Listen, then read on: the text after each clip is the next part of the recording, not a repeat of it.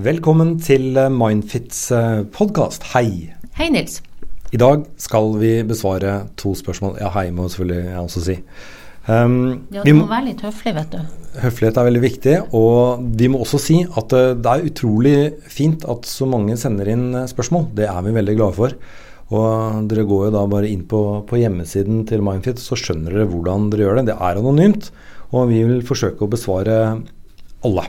Mm. Nå skal vi over til ADHD. Jeg leser. Hei, jeg fikk en ADHD-diagnose etter at jeg hadde gått i terapi i fem måneder. Jeg ble henvist dit av lege etter utbrenthet i relativt krevende jobb.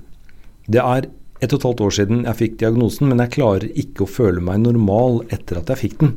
Jeg føler ikke at psykologen ser alvoret i den belastningen diagnosen ble. Har dere råd? Jeg har brukt medisin i snart et halvt år men er fremdeles usikker på om det er riktig, både diagnose og medisinering. Innerst inne skulle jeg ønske at jeg bare hadde blitt backet skikkelig med hensyn til selvfølelse og sluppet alt det andre, for jeg har bare blitt mer usikker og deprimert. Føler også at psykologen er lei av å ha meg som klient. Ja, øh, jeg vil tenke For det første så vil jeg tenke at, at jeg syns det er veldig viktig, egentlig. Hvis du har en psykolog du går til som er en ok psykolog å gå til, så vil det måtte gå an å ta opp det her med den psykologen. Altså ta opp usikkerheten rundt diagnosen, ta opp at en føler at det har gjort en verre. Og ikke minst er det veldig vondt for, for, for folk som går i behandling, å sitte og tenke på at denne psykologen er egentlig lei av meg. Uh, jeg tenker at Hadde noen kommet til meg og hatt de her tankene, jeg ville gjerne ha hørt dem. Eh, jeg ville gjerne ha prøvd å møte dem på en ok måte, og, og, så kanskje vi kunne funnet litt ut av det sammen. Sånn at Hun spør jo litt om hun skal fortsette eller ikke i denne behandlinga. Jeg tenker det, det er litt sånn forutsetter jo at denne psykologen kan ta imot det som er av usikkerhet her hos mm. den personen. Uh, bare to ting her. Det ene er liksom psykologen er ikke Gud. Altså En psykolog Nei. er også et vanlig menneske. Uh, så det betyr at diagnosen kan være feil. Så hvis man er usikker, liksom, er dette riktig og føler innerst inne at dette er feil, så bør man vel kanskje oppsøke en annen, bør man ikke det?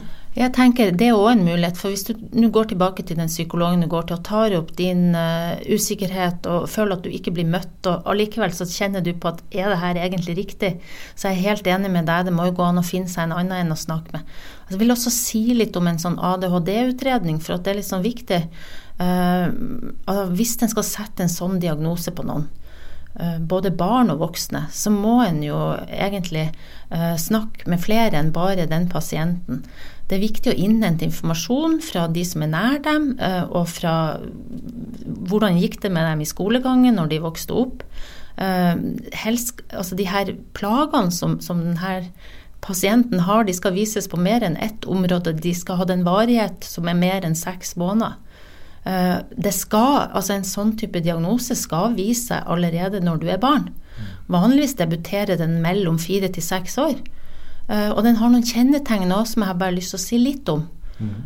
For det første så har du den her, altså det som er gjengs uansett det, du, du, snakker om, om en sånn oppmerksomhetsforstyrrelse med eller uten hyperaktivitet og impulsiv atferd. Så du har den ene kategori, altså den ene, det ene store um, symptomet er jo at du ikke klarer å holde oppmerksomheten. At du, når du skal gjøre ting som er litt sånn krevende tenkearbeid og sånn, så blir du lett distrahert. Du klarer ikke å holde ut over lang tid. Du ser ofte problemer å få gjennomført og også få organisert seg. Så dette er jo ofte barn og voksne som glemmer ting, og, og som ikke klarer å gjennomføre ting. Og, og, de har masse gode ideer, og sånn, men de klarer liksom ikke holde ut i det der tenkearbeidet, kan du si. Og så har du den mer sånn hyperaktive typen, da, der du også ser det i uh, at de er urolige, altså utad, ikke sant, høyt og lavt. Som barn, kanskje som voksen mer, at de sitter utålmodige og gynger. Og, og, og, noen sier jo at de har en veldig sånn motor inni seg, ikke sant. Uh, også den impulsiviteten kan en se. At en bryter av andre fort, at en ikke klarer å stå i kø. Altså, de, de, de, her tingene skal ses på mer enn ett område, og de skal ha vart over en viss tid. Og andre skal kunne bekrefte at de ser det samme, og det skal ha vært der når du var barn. Men det kan jo også være en belastning selvfølgelig å få en diagnose? Ja, jeg tenker fordi hvis Sett at denne diagnosen er riktig, mm.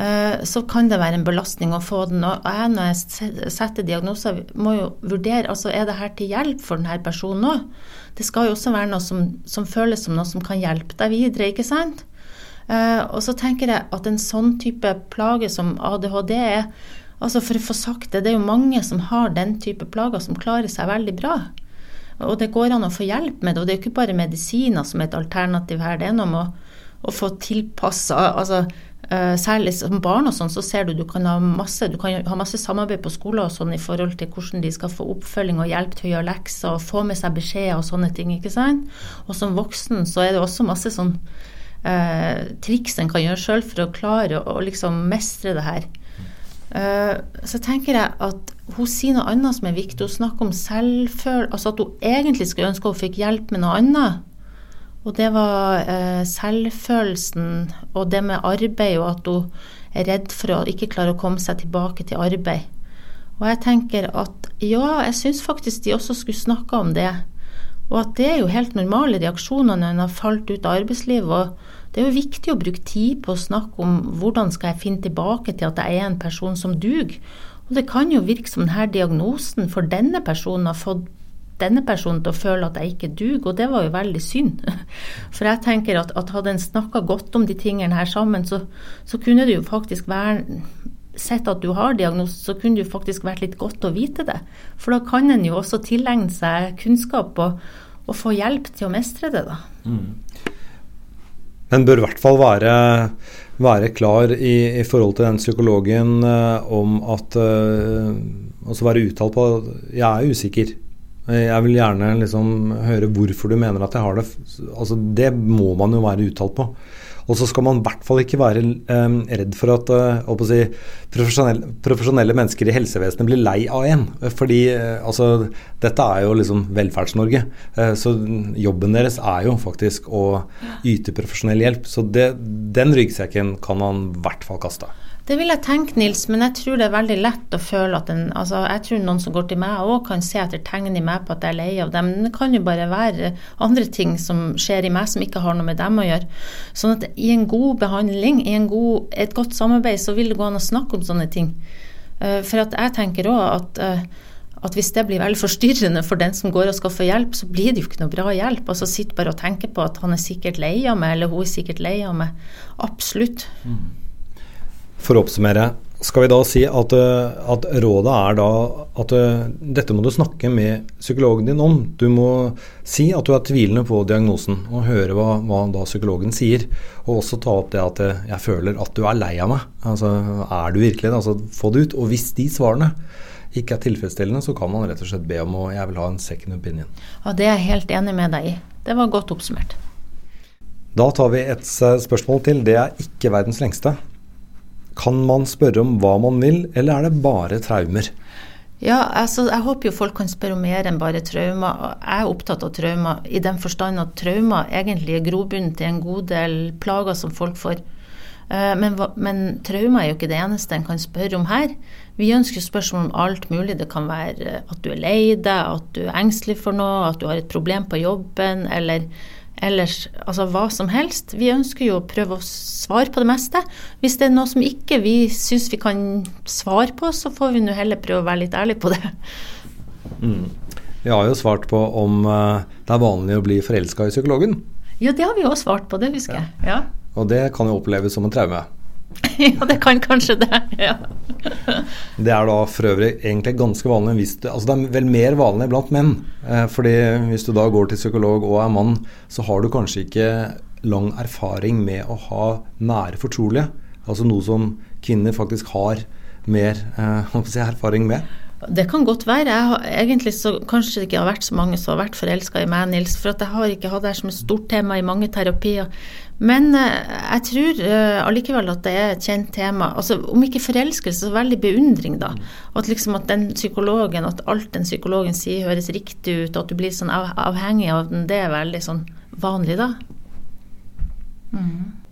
Det var det. Uh, vi tar inn, uh, tar inn, alle spørsmålene vi kan få, vi. Det er mindfitapp.no. du kan gå inn på mindfitapp.no. Send inn spørsmålet. Vi svarer.